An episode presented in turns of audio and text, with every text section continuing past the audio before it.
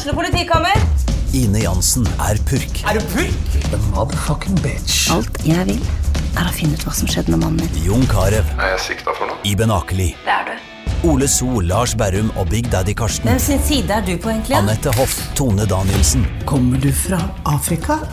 Jørnis Josef, Nesten. Kløfta. Trond Espen Seim, Det er synd å si det, men det var feil mann som døde. Purk. Premiere tirsdag på TV2 Play. Du hører en podkast fra Romerikes Blad.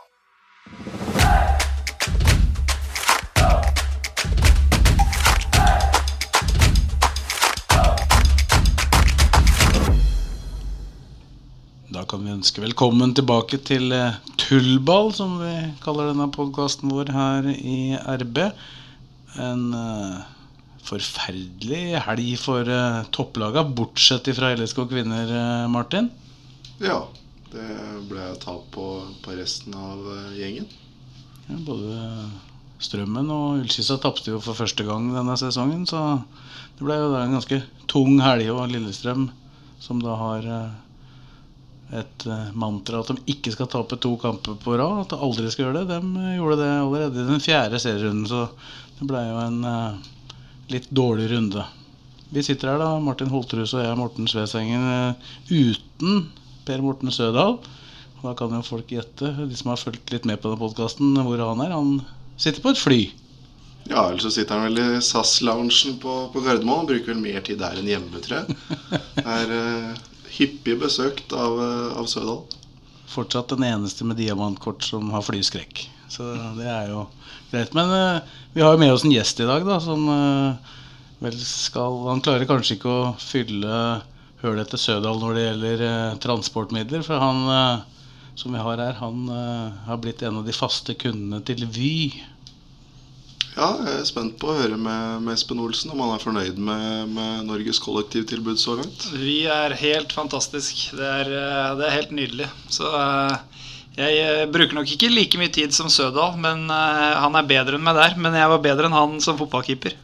Det var jeg. Ja, det var det. Selv om du var spiss. Ja, selv om jeg var spiss. Vi spilte jo på lag sammen uh, når vi var yngre, vet du. Men uh, jeg tror Sødal la opp pga. meg. Det er skåra så mye mål på han. Det høres bra ut, det. Ja. Altså.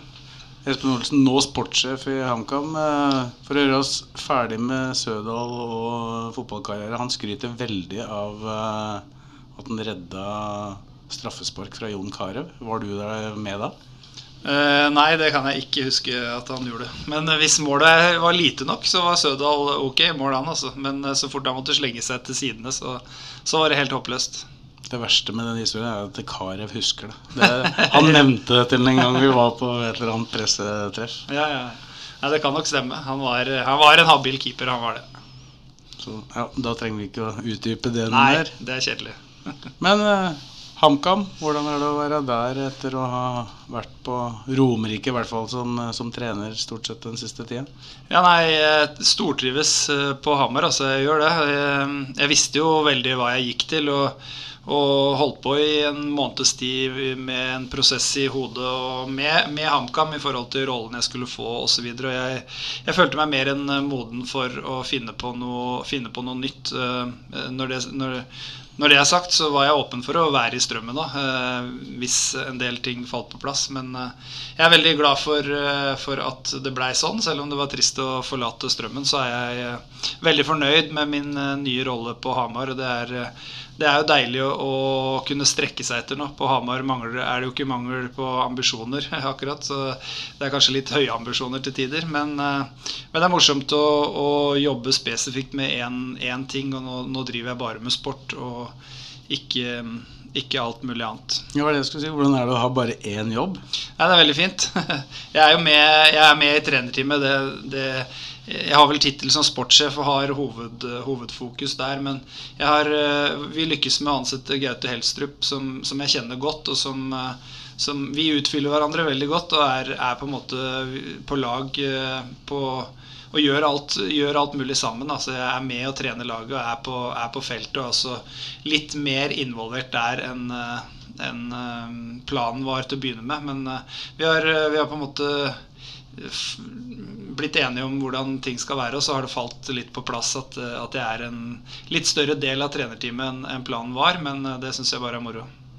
Ja, hvordan er det det funker? Er det lett å, å holde seg utafor, eller er det når du har vært trener i såpass mange år som du har vært etter hvert, at det blir vanskelig? Nei, ja, jeg slipper jo på en måte å holde meg utafor òg. For vi, det jeg syns var gøy med å være, med å være hovedtrener, var kampledelse og den oppbygginga til kampen og, og alt det mentale rundt det å, å bygge fotballag, være, bygge garderoben osv. Det taktiske og mer fotballfaglige ute på feltet var ikke det trigga ikke meg så mye. Jeg syns ikke det var så gøy å holde på med. Men, eh, men det mentale syns jeg var gøy. Og det, det er Gaute Helstrups store styrke, er, er det fotballfaglige ute på banen. Han bruker enormt mye tid på, på video osv. Og, så videre, og analyse og, og eh, legge opp treninger eh, etter hvordan vi skal spille. Eh, Den interessen har aldri jeg hatt, mens jeg får lov til å da drive med det mentale inn mot, eh, mot kampene, og, og også det å fortsette å bygge, bygge gruppe og bygge lag. Ja, for du hadde vel for så vidt ganske mye sportssjefsjobb i, i Strømmen òg. Det var en stor del av arbeidstida di som gikk med til å spille logistikk. Ja, jeg vil, vil nesten si at jeg var en litt mer sånn manager i Strømmen. Eh, Jeg leda kampene og hadde alle kampmøter og prater i garderoben eh, før og etter trening osv. Og, så og så slapp jeg ofte til assistentene ute på treningsfeltet, selv om vi eh, Jeg bestemte jo hva man skulle jobbe med og, og hvordan osv., men det var ofte assistenter da, som gjennomførte. Så jeg hadde jo dyktige folk med meg rundt. Casey Wehrmann eh, er faglig veldig veldig sterk og, og en dyktig mann på treningsfeltet. Og samme var, eh, samme var Espen Haug, som var ansatt i en mindre rolle. Mens jeg da fikk konsentrere meg mer om å prate mye med spillere og, og ja, drive med det mentale og, og forberede meg til, til kamp. da. Men eh, Casey han eh, er i Fredrikstad nå. Det er, det er tøffe tak der òg. Ett poeng på de to første. Det er som det pleier der. Ja, det er, det er alltid krise i Fredrikstad. Hvis det er noe som er sikkert, så er det krise i Fredrikstad fotballklubb. Den, den kommer alltid. Den kommer litt tidlig nå, syns jeg, men uh, vi får se om de, om de kommer på beina igjen. Da er vi litt over på runden som har vært. Du uh, var jo på Raufoss og så ditt gamle lag. Var det bare for å forberede kampen som er til helga mot, uh, mot Strømmen, eller var det litt av egeninteresse òg? Nei, jeg fikk jo slått to fluer i én smekk der. Jeg møtte opp på Strømmen stadion. Jeg satt på med supporterbussen til Strømmen til, til Raufoss og var med dem eh, på De var vel på en sånn Raufoss-pub eh, før kampen. Holdt meg jo unna alkohol fordi jeg skulle på jobb, da, men eh, jeg, jeg var med den bussen, og det, det var kjempegøy. Så bussturen opp til Raufoss der, og så fikk jeg stelt meg litt eh, til siden og, og fulgt med litt på, på strømmen. Jeg, jeg vil jo si at jeg kjenner, kjenner det laget rimelig godt fra før, men eh, det er alltid greit å få sett dem rett før vi skal møte dem og, og se, litt, se litt hvordan de ser ut. Så, men det var ikke så mye store overraskelser. Nei, han arvtakeren din, Nesselquist, han var ganske krass eh, med eget lag i våre spalter eh, på rb.no etter kampen. Ja, ja jeg syns han nesten var litt krass. Eh, jeg syns at Strømmen var det beste laget totalt sett. Hvis, eh, hvis de skårer på den eh, store sjansen til Gussiås tidlig der, så, så får Strømmen kampen inn i, i sitt spor. Men jeg syns de, de var litt tamme, han har rett i det. De var litt tamme i, i første omgang. Men allikevel slipper ikke til Raufoss veldig mye, syns jeg. Raufoss får en enkel scoring hvor jeg kanskje syns Berntsen kan lese den litt tidligere, selv om han går stolpe inn, så, så dekker jo Bjørkskjær hele korthjørnet. Så litt sånn eh, Ja, jeg syns de hadde litt uflaks i går, som ikke i hvert fall får med seg ett poeng. Det smalt jo veldig i stolpene der i andre omgang eh, også. Så syns jeg han hadde Fikk bedre, bedre kontroll på kampen når han, når han gikk fra diamant til flat firer på midten. og Eh, Ulrik Næss kom innpå etter hvert og, og gjør det jo alltid bra. Han er jo alltid i nærheten av mål. De, det smalt vel i stolpene et par ganger der. Og så, ja, Strømmen burde fått med seg mer. Ja, hadde jo, har jo hatt en ålreit åpning hvis du ser de tre første kampene. Tre poeng hadde kanskje folk vært litt eh, brukbart fornøyd med. Men med Raufoss-kampen nå, da, så er kanskje ikke tre på fire like bra? Nei, den var en liten smell. Altså, jeg sa før kampen at ett poeng er helt ok borte mot, uh, mot Raufoss. Men uh, nå henger det litt etter. Samtidig så tror jeg ikke de skal stresse veldig mye. De har vært, uh, de har vært det beste laget i tre av fire kamper. de var ikke bedre enn Kisa i serieåpninga, men de tre neste har de vært det beste laget. Ikke med soleklar margin, men, men de burde fått mer ut av det. Så litt utur har de hatt foreløpig, altså. Så valgte jo da Pål Steffen å ikke tørre å møte meg til helga, da. Selvfølgelig. Det, det, kunne jeg også forutse på forhånd, at han kom til å dra på seg et eh, rødt kort der for å slippe å møte HamKam. Han ville ikke det, tror du? Nei, kanskje han skulle under bryllup eller noe sånt. da Neste helg. Ja, det er ikke sikkert han kan spille to helger på rad lenger, Pål Steffen. Jeg vet ikke. Nei, det, det, tror jeg han kunne, men eh, Nei, han eh, jeg skjønte ikke helt det andre gule kortet der. Det var, det var litt, en litt heit dommer, tror jeg. Men han må stå over den kampen. da hvordan blir det å komme tilbake til eh, strømmen? da? Nei, det, nå, nå, har jeg som spiller vært, eh, vært, i veldig mange klubber. Så jeg har vært i denne situasjonen her veldig ofte. At jeg har reist tilbake til, til en klubb jeg har vært i lenge. Jeg hadde en spillekarriere som var rundt omkring i, i hele Norge, egentlig. Da, så, så, det har ikke vært så veldig spesielt lenger. Det kanskje spesielle er hvis Eh, broren min er spiker, og, og, faren min er vakt, og, og ungene mine er ballhentere osv. For, for strømmen. Det er, litt, eh, det er litt spesielt. Men uh, jeg, jeg, vært, jeg, er der så, såpass mye. Vi møtte strømmen i, i vinter, så det, den mm, Ja, jeg har vært i den situasjonen så mye at det, det, det går fint. Ja, for Det har jo vært en spesiell tid i Strømmen. Du kom jo inn der og har vel hatt alle de rollene det er mulig å ha, i hvert fall eh, utafor eh, banen? Ja, det, det blei mye altså, på en, en, periode. Jeg begynte jo som markedssjef. og Det er jo litt sånn at når du, når du er i samme, samme, klubb, og spesielt en så liten klubb, og du har mye oppgaver og, og gjør mye, så, så, når du går over i en ny rolle, så, så, du ikke, så, klarer du ikke å slippe alle de andre oppgavene du har hatt. Så, det blei jo sånn. Så var jeg sportssjef en periode og assistenttrener og, og trener og har eh, jobba litt med banen og ja, vært litt vaktmester og litt, eh, litt av hvert. Så eh, det har, det har, vært mye. og det var jo også det Jeg merka jo det sjøl at det, det, det, begynte å bli for mye. Det var, jeg begynte å jobbe 20 timer hver eneste dag, og ikke er det fri i helgene eller noen ting. Så det begynte å bli litt, litt mye, og det, er vel kanskje hovedgrunnen til at jeg, at jeg ville gjøre noe annet òg. Men samtidig relativt lærerikt, vil jeg tro, da, med tanke på det du skal gjøre nå. At du, du, kjenner på en måte alle rollene omtrent i en fotballklubb? Ja, absolutt. Jo, jeg er jo veldig takknemlig overfor Strømmen, som, som dytta meg i den retningen. Jeg hadde jo ikke tenkt til å bli trener i det hele tatt. Men uh, de, de, turte å, gi meg sjansen, akkurat som, som Nesselquist uh, har fått sjansen nå. Så, så, ga de meg sjansen da jeg var relativt ung, selv om jeg egentlig ikke ba om den.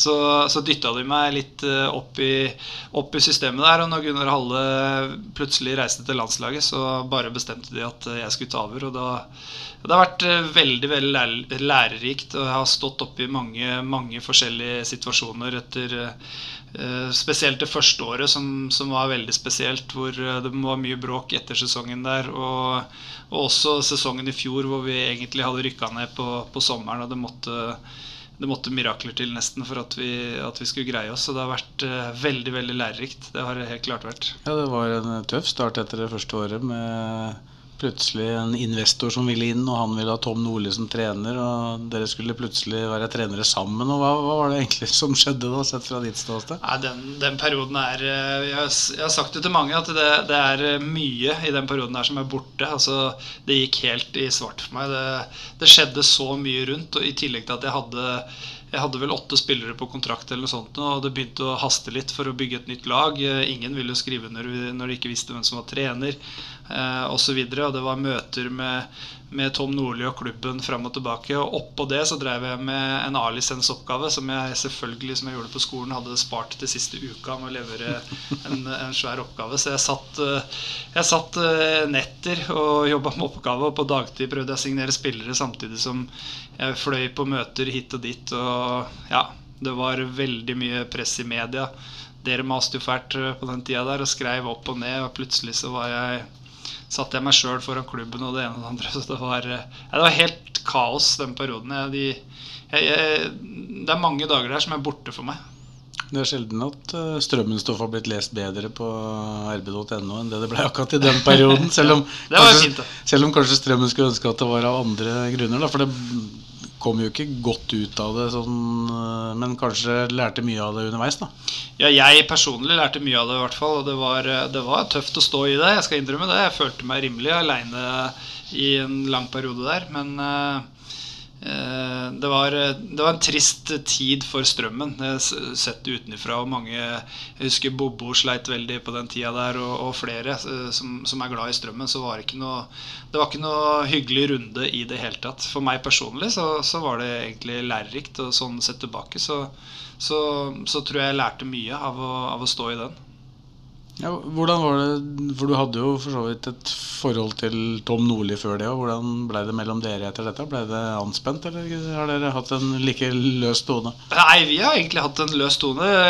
Tom var jo den første som ringte til meg, så det var jo på en måte han som lakk nyheten eh, først. da. Eh, Så eh, han ringte meg rett før vi skulle ha et møte, husker jeg. Så, så prata vi litt fram og tilbake, og så var, han, var, var det ikke, stemte ikke helt det han sa med det klubben sa, og hvem som ja, Hvem som sa det rette der, er jeg fortsatt ikke helt sikker på. Men jeg har ikke noe, jeg har ikke noe problemer med, med Tom i dag, og jeg tror ikke han har noe problemer med meg heller. Så vi, vi møtes jo titt og ofte og, og prater sammen og har en fin tone, vi.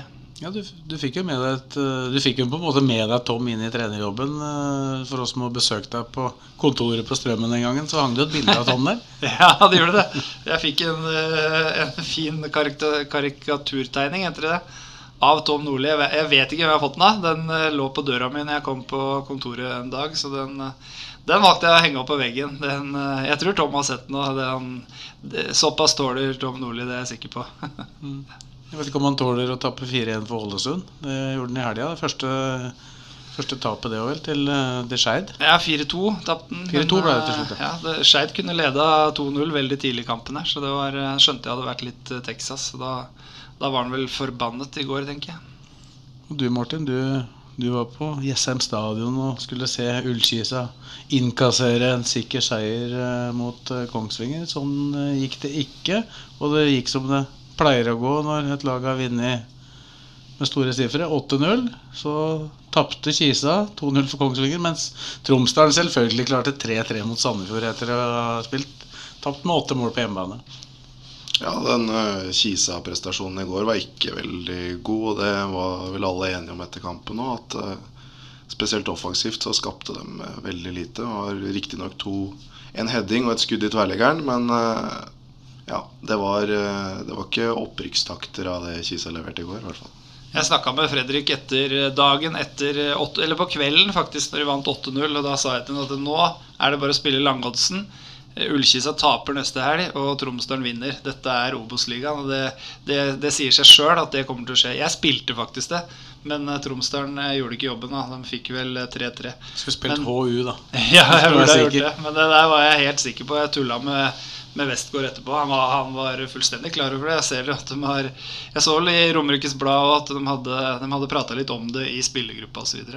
Det, er- det er helt utrolig. Det er så jevnt i den ligaen der. Og når jeg så statistikken etter etter Tromsdalen-Ullkisa. Der var skuddsta- skuddstatistikken 11-14 i favør Ullkisa. Så spilte de noe uavgjort mot, eh, mot eh, Sandefjord nå, og da var det 10-13 til, eh, til Sandefjord. Allikevel så blir det 0-8 i den ene og 3-3 i den andre. Altså. Det er helt, eh, helt Men, men, men er ikke, dette er jo mer eller mindre bevis sånn på verdensbasis. Og det er et lag som vinner stort. Vinner sjelden kampen etter, eller vinner i hvert fall ikke stort kampen etter.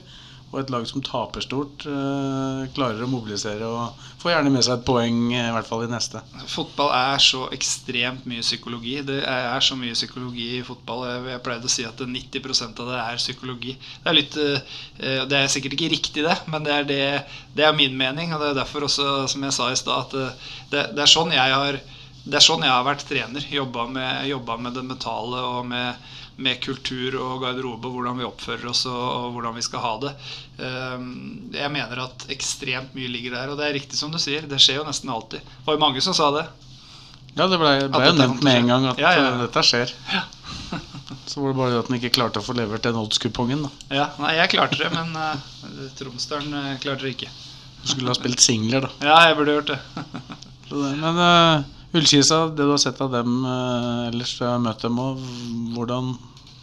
Tenker du at det blir eh, denne sesongen? Nei, de er gode. Ullkisse er, er veldig gode. De har et eh, rutinert, eh, godt eh, forsvar som, og en god keeper. Så, så Ullkissa tror jeg blir farlig i år. De, de kan fort blande seg opp i, blant, de, blant de fire beste der. Det, det kan de. Har litt å spille på. Har, gode, har en god tropp. En, en ganske brei tropp nå. Så er de, så er de litt avhengig av at, eh, av at Martin Trøen eh, lykkes, tror jeg, på, på topp der og skårer mål. De kanskje hadde de beholdt Salvesen, så hadde det sett veldig skummelt ut. Men, uh, men er nok litt svekka når, når han er borte der. Men det, er et, det er en gjeng spillere som har spilt uh, sammen lenge uten, uten for mye utskiftninger. Og jeg, jeg, tror Kisa kommer til å komme topp fire i år.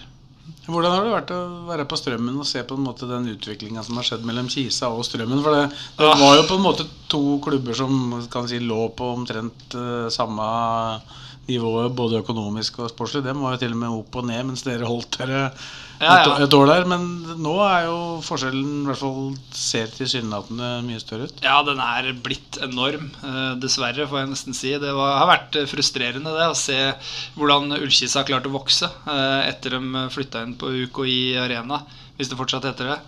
Eh, Så har de vokst voldsomt. eh, Vokst eh, økonomisk eh, spesielt, og vokst langt fra, fra strømmen der. Det er jo ikke mer enn en fem-seks år tilbake hvor Ullkisa og Strømmen kunne betale det samme omtrent i lønn. Kanskje, kanskje litt mer på, på, på Jessheim, men nå er, jo, nå er jo forskjellene enorme. Ullkisa er jo nå på størrelse med, med HamKam og Kongsvinger osv. når det kommer til eh, budsjetter. Og det, det er klart at jeg er voldsomt imponert over det eh, Cato og co. har eh, gjort der oppe for, for å få dette såpass, såpass stort som de har gjort. Og dem, dem begynner å Jessheim er i vekst, så, så Ullkisa begynner å bli klare for å, for å ta steget opp nå. Ja, Vi snakka vel om det her forrige uke, at uh, i løpet av en si fem-tiårsperiode så vil det være overraskende hvis ikke Ullkisa har vært oppe minst én gang. Ja, det, det tror jeg absolutt de har. Så vært frustrerende for, eh, for oss i strømmen, men samtidig er jo Se på dem litt med beundring og er litt imponert over, over hvordan de har fått det til. Så, eh, så er det jo klart at forutsetningene på Jessheim er helt andre enn på Strømmen. På Jessheim har du Ullkisa fotball som på en måte er det store. og Det er et, eh, det er et stort næringsliv der som, som støtter opp, eh, opp under. Eh, På Strømmen har vi dessverre ikke de samme mulighetene. Det er en bank som hjelper deg Ja, Strømmen Sparebank har vært fantastiske. De, uten de så hadde, jo, så hadde vi jo ikke kommet noen vei. Så Det er den klart største sponsoren og den desidert viktigste. Og de, de er eh, Tom, som er banksjef der, har vært helt fantastisk mot Strømmen alltid. å komme inn og, redda, redda klubben i fjor der. Så de er viktige og en stor, stor del, grunn til at Strømmen fortsatt da klarer å, å stable såpass med penger på beina at, at det går an å overleve i Obos. Er det, hva tenker du om det at Strømmen nå Jeg vet ikke hvilken sesong vi er på rad nå. Er det Ni. Ni. ja, er på sesong ni på nivå to i norsk fotball med de rammebetingelsene man har. Hva tenker du om, tenker du om det? Nei, det er helt eh, hinsides sterkt. Det, det, er det er nesten så det ikke går an å forestille. Vi har hatt kjempetur noen sesonger. Fra opprykket spesielt i de neste åra der, så, så redda vi jo plassen på målstreken. Da var jeg med som spiller, så jeg har jo fått vært med siden Jeg var ikke med første året. Det var Men- du og Marius Høybråten som skåra en serieavslutning der. Ja, stemmer det. Mot, eh, mot Ranheim. Min siste kamp eh, som, som spiller. Så det var en stor opplevelse. Og året før så, så lå vi jo tre poeng bak Asker og redda plassen i, i siste serierunde i Nybergsund. Hvor vi- det var i Nybergsund, ja. vi måtte vinne med Altså Vi lå fem plussmål bak, eh, pluss tre poeng, så det så jo helt eh, dødt ut. Men til pause leda vi 4-0, mens Asker lå under 3-0, så da var vi plutselig to mål foran. Så det var, det var mirakler, og vi måtte reise til Ranheim og slå da opprykksjaktene Ranheim på bortebane. Gjorde det med 2-1, som, som Martin var inne på da. Eh, og vi har hatt mange sånne. Bare 2018 også var jo egentlig helt hinsides at vi skulle redde plassen. Alle, jeg tror alle hadde gitt opp utenom, eh, utenom et par stykker oppå på strømmen der som, som tromla sammen noe lurt i, i, på sommeren der. Så det, er en vanvittig sterk prestasjon av en, av en så liten klubb som, som Strømmen. Det, det, er det laget som har vært lengst i Obos-ligaen sammenhengende. Uh, by far nå etter at uh, Ranheim, uh, nei Bryne rykka ned for et par år siden. Så det er sterkt, altså. Du nevnte jo Ranheim her ble jeg fortalt da jeg var på Strømmen at uh, Ranheim dem var jo på studietur på Strømmen for å se hvor, hvordan dere fikk så mye ut av så små ressurser. Det var, du lærte tydeligvis noe, da. Frank Lidahl ringte meg og spurte om, eh, om, om, vi kunne åpne bøkene og, og ta en prat. Og det, jeg, eh, vi prata sammen, Frank og jeg, en liten stund. Og så tok Morten Teigen over og viste fram, eller om det var Per som var der. Jeg husker ikke. Men jeg, jeg snakka mye med, med, Frank på den tida der. Og de, de, sleit jo veldig økonomisk og skulle kutte kostnadene ned til strømmenivå. Og, og ville vite litt om hvordan vi gjorde ting da, med, med de ressursene der. Så, så se hvor de er nå. Det er, det er, det er ikke så veldig ulikt hvis vi tenker Ranheim på utsida av en stor by, Strømmen på utsida av en stor by. Nei, ikke i det hele tatt. De, de lykkes, med en, med en strategi der med bare trøndere på, på laget osv. Og, så og, og veldig dyktige folk og en Frank Lidahl som jobba døgnet rundt for å få til dette her. Så de eh, er imponerende hva de har fått til. Hvordan ser du for deg framtida til Strømmen? Kan klubben klare å holde seg på det nivået i eh, lang tid framover? Jeg tror det må et økonomisk løft til. Eh, vi må Vi, sier jeg hele tida. De Eh, jeg kan jo si vi, det er jo moderklubben min. Det, det, må til et løft økonomisk. Jeg tror ikke det går an å overleve på de budsjettene som, som Strømmen har nå. Jeg kan godt si at vi har klart det i ni år, men i fem av de ni åra så har vi vært et hårsbredd fra å rykke ned, tror jeg. Og bare noen enkelttilfeller har vi, har vi ligget safe på tabellen når det er tre, tre serierunder igjen. Så eh, enten så må man eh, ha veldig flaks, eh, jobbe hardt og være dyktig på, på det som er gratis. Men, men, jeg tror som sagt at det, det, det er nødt til å løftes uh, i hvert fall med 1,5-2 millioner i budsjettene der for at, uh, for at, man skal kunne bli stabilt i Obos-ligaen midt på tabellen. Jeg tror ikke det er mulig i over lang tid, sånn som, sånn som økonomien er nå. For det har blitt tøffere også i Obos, eh, ikke minst da økonomisk. Det ja. satses hardt. Ja, det gjør det. Og Strømmen har jo de samme budsjettene nå som når vi rykka opp i 2010. Og det er klart at uh, Se på Ullkisa, som nå er uh, tre ganger så store eller, eller hva de er. Jeg, jeg, jeg, kjenner ikke budsjettene til Ullkisa, men jeg vet det sånn cirka. Uh, de var like store som oss for, for fem år siden. Så um, Eh, det, det, må et løft til. Hvis ikke så, så, går det gærent til slutt. Det går ikke an å ha så tur som, som, vi har hatt på Strømmen eh, fem av de ni åra. Men eh, jeg tror ikke Strømmen går ned nå. Nå har, et, nå har, Strømmen et godt nok lag til å overleve i Obos og, og kanskje komme opp mot uh, midten av, av, tabellen. Men det er klart, den gjengen som er samla på der nå, har spilt sammen mye med Blårud, Jar, Pål Steffen osv. Som, som har vært der en, en stund. Og de, det er veldig veldig gode Obos-ligaspillere som, som, holder dette laget gående. Når, når, de forsvinner og du skal inn med en ny generasjon der, så, så, så, så er man avhengig av treffet. Og det, det, blir vanskelig med de ressursene som, som Strømmen har.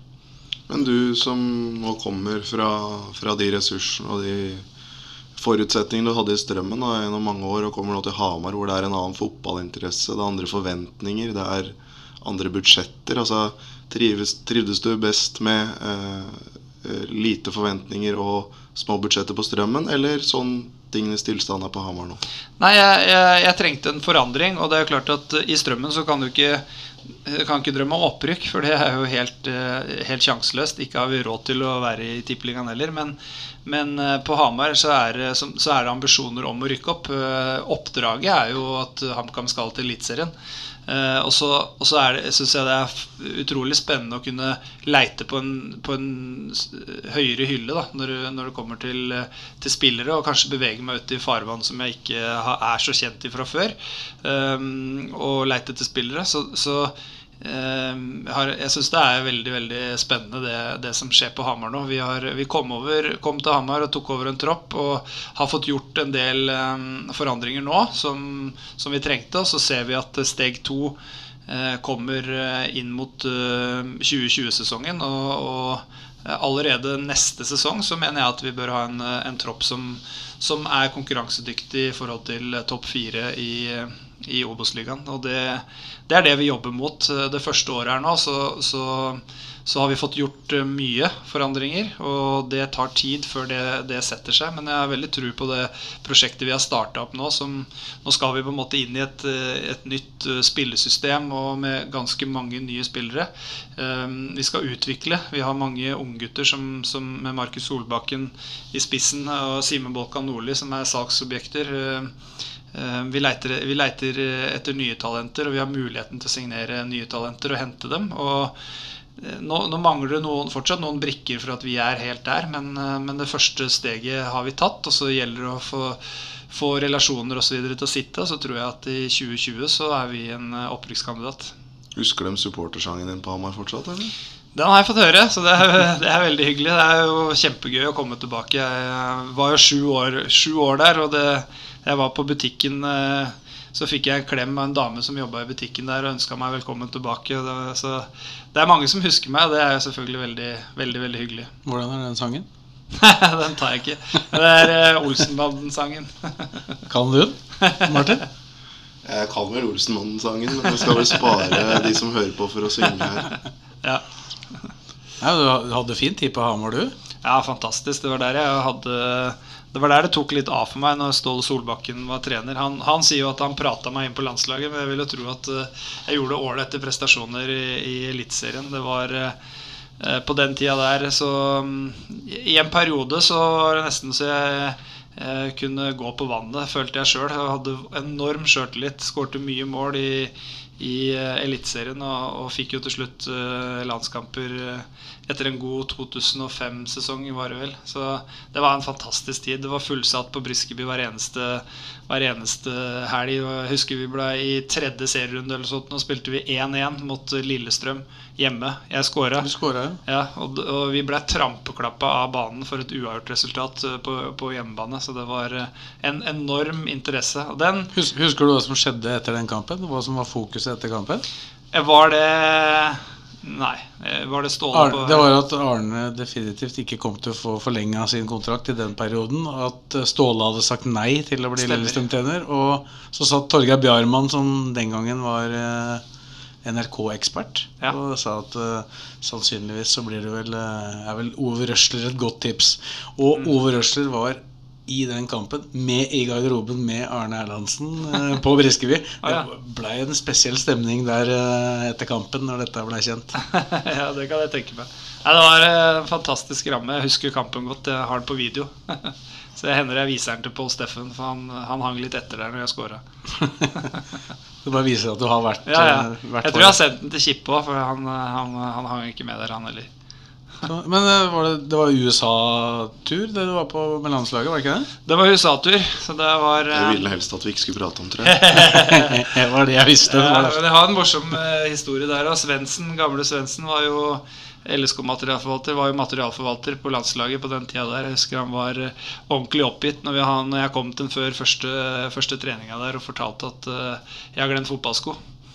Da, da, da, var det, da var det noen skjellsord og noen strømlinger og noe greier som hagla der. Det var én ting skulle du huske på. Sånn.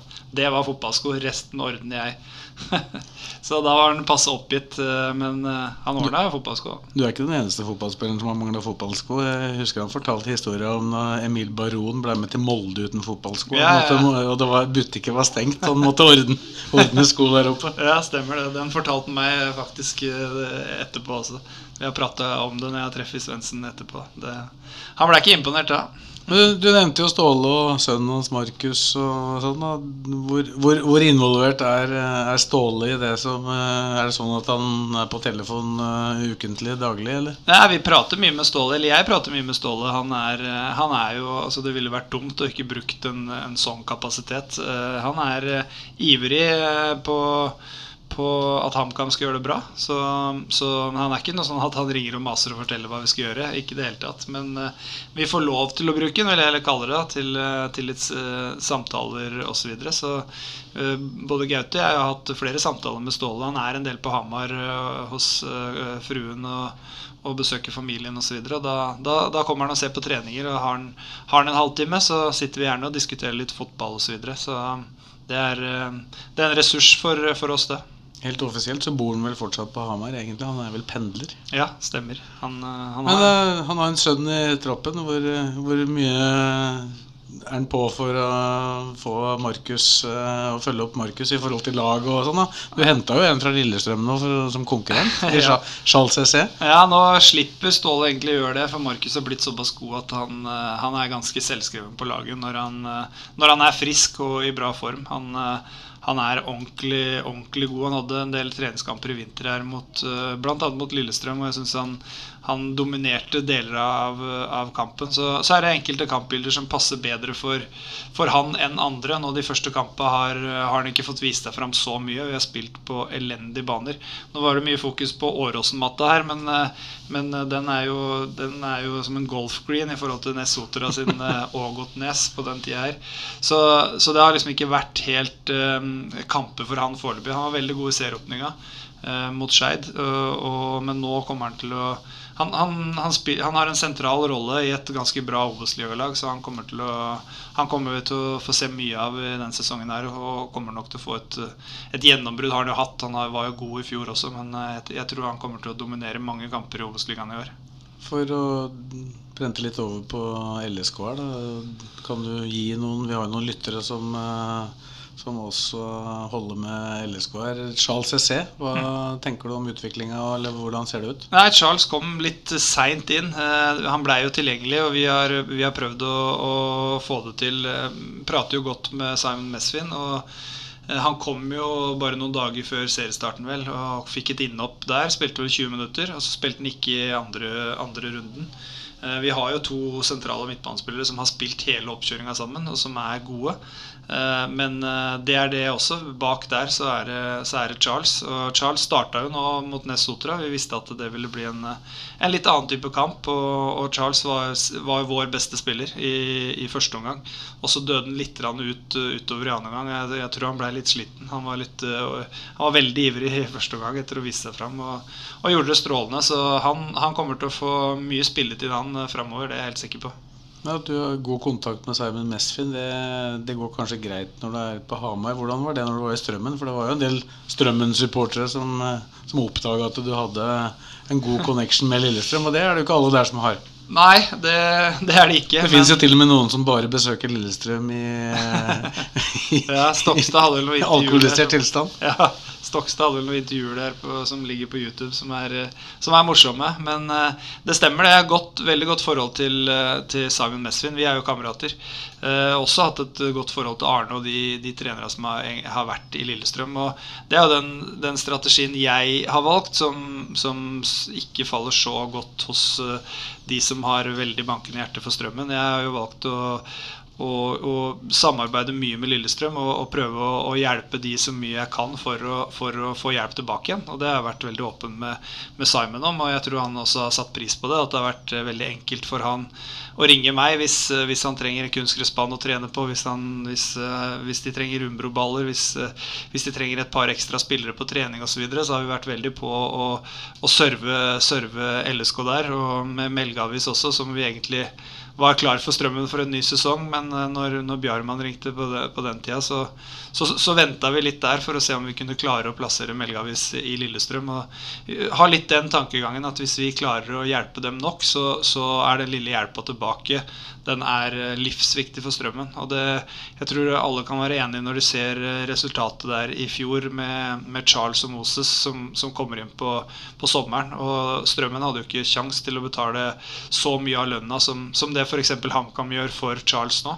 Så, Ja, du, du fikk ikke sånn rabatten som HamKam eh, Nei, det, det, for, nei, det fikk jeg ikke. Det, det forventa jeg ikke heller. Men, eh, men eh, eh, Charles og Moses ut, utgjorde en enorm forskjell for, for strømmen på, på vår, høstsesongen sammen med, med flere andre. Og jeg tror, ikke, jeg tror ikke vi hadde fått til det så enkelt da, hvis, eh, hvis ikke vi hadde vært eh, flinke overfor LSK andre veien og, og nesten stått litt på tæra for å hjelpe dem eh, de gangene vi, vi kunne det. Så det har vært, vært veldig viktig for strømmen. Og, og jeg håper at de som er i strømmen også nå, ser verdien av det og, og, prøver å bidra med det samme. Det du gjorde i, i Strømmen i fjor, med, i fjor eller fra sommeren, med å hente alle disse spillerne du gjorde på lån, fra, primært fra eliteserieklubber. Mm. Eh, hvilken betydning tror du det hadde du, i forhold til den jobben du sitter og har nå?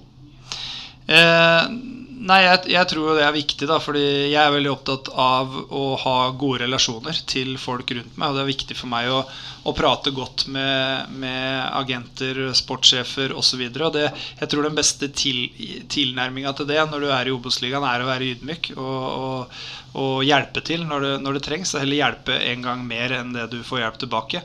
Eh, Så jeg, når folk ringer meg rundt omkring, som har jo oppdaga at jeg kjenner Obos-ligaen ganske ok, så jeg får jo mye telefoner fra eliteseriefolk når, når det er snakk om Obos-ligaspillere og kan gi gode råd osv. Så, videre. så så er jo den situasjonen at jeg, jeg spilte en Inge André Olsen eksempel, i, i Stabæk. Jeg er god kompis med Thomas Berntsen, Simon Mesvin osv. Har en veldig fin tone med, med Jostein Flo etter at jeg var i Sogndal og han var der mye. Håvard er jo en, eh, en venn av meg eh, som er sportssjef i Sogndal. Så jeg har liksom kommet eh, godt inn i det nettverket pga. Av, av karrieren min. Og det, det er jo klart at det, var jo helt, det er jo helt avgjørende. At du, at du har relasjoner. Uten, uten relasjoner så, så kommer du ingen vei. I hvert fall eh, i hvert fall ikke sånn som vi gjorde det i fjor eh, sommer. Det hjelper det vel litt at du traff sånn du gjorde òg, med de du henta inn? ja. Jo, men det var, jeg husker det veldig godt. Vi, vi, jeg visste, altså jeg satt hjemme og tenkte, så, så, hadde jeg bestemt meg for at For jeg også trodde jo at dette var kjørt, egentlig.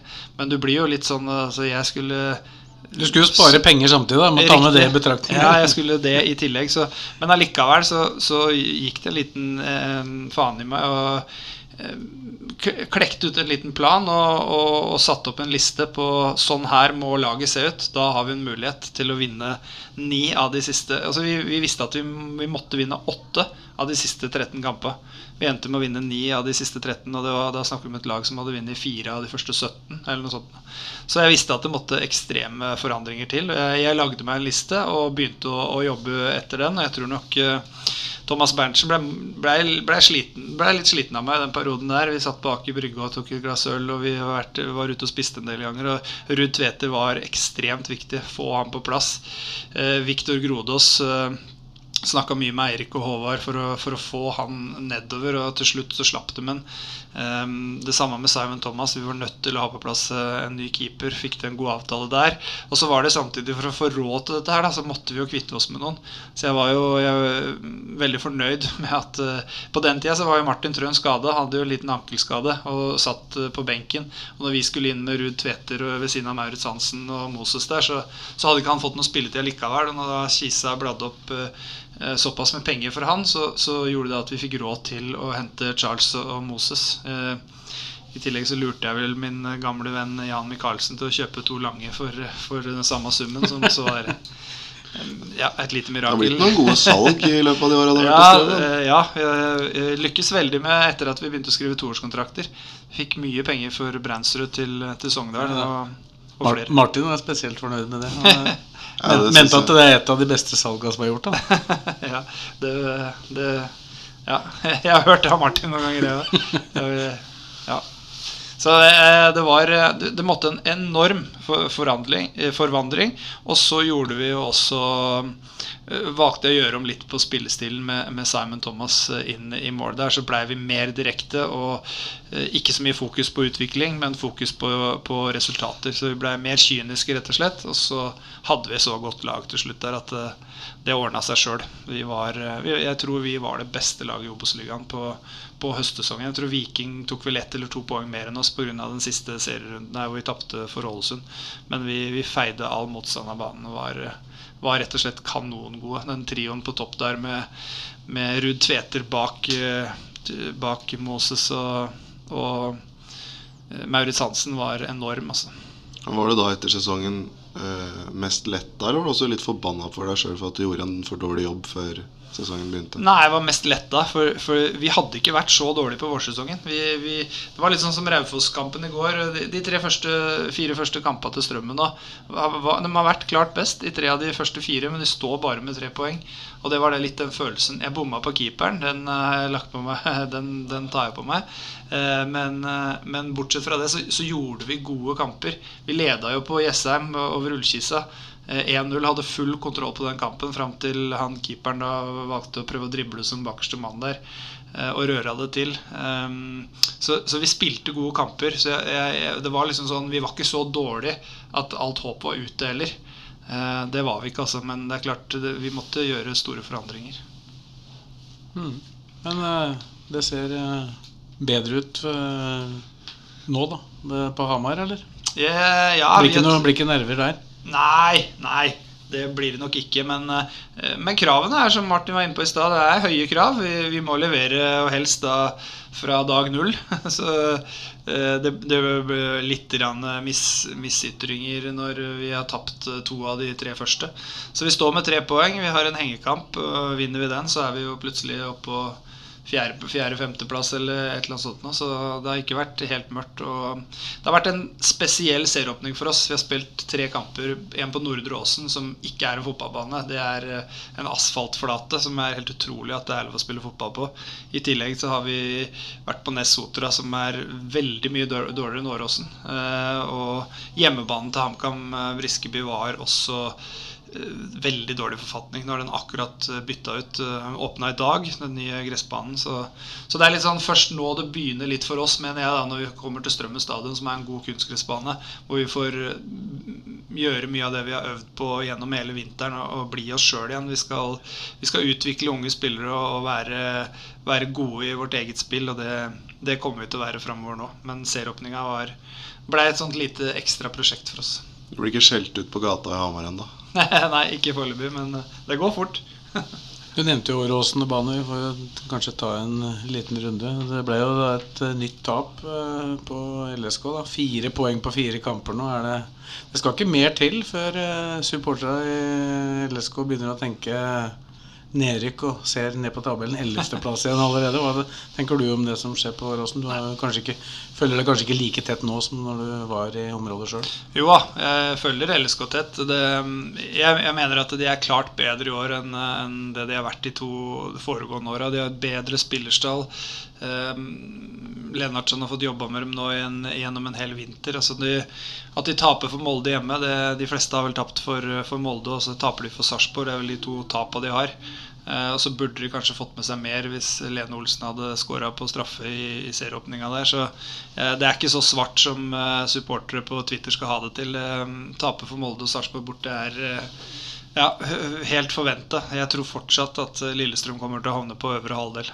Og med tanke på det du akkurat sa om deres kamper og bane det lite paradoks nå at uh, LSKs LSK spillestil passer ikke like godt. Det det de har øvd på i vinter. Mm, det har liksom ikke vært uh, så lett å utøve i de kampene. Det har blitt an andre typer kamper. Ja, ja det er, det er, vanskelig altså, når du kommer på, på en humpete gressbane og har brukt hele vinteren på gode gressbaner i Spania eller, eller veldig gode kunstgressbaner i LSK-hallen andre steder. Så det er ikke, det er ikke lett, det. Og, og, og sånn blir det jo bare. Altså er Molde er bedre enn Lillestrøm. og det det, det viste dem jo totalt sett der. Og det samme er nok Sarpsborg er nok også hakket over nå. Men jeg tror Lillestrøm er veldig mye nærmere de lagene der nå enn det de har vært på flere år. Så eh, jeg tror Lillestrøm kommer til å gå en god sesong og, og komme på øvre halvdel. Det, det, føler jeg meg ganske trygg på. Og så var Molde smarte nok til å ikke være naive når de kom på Åråsen.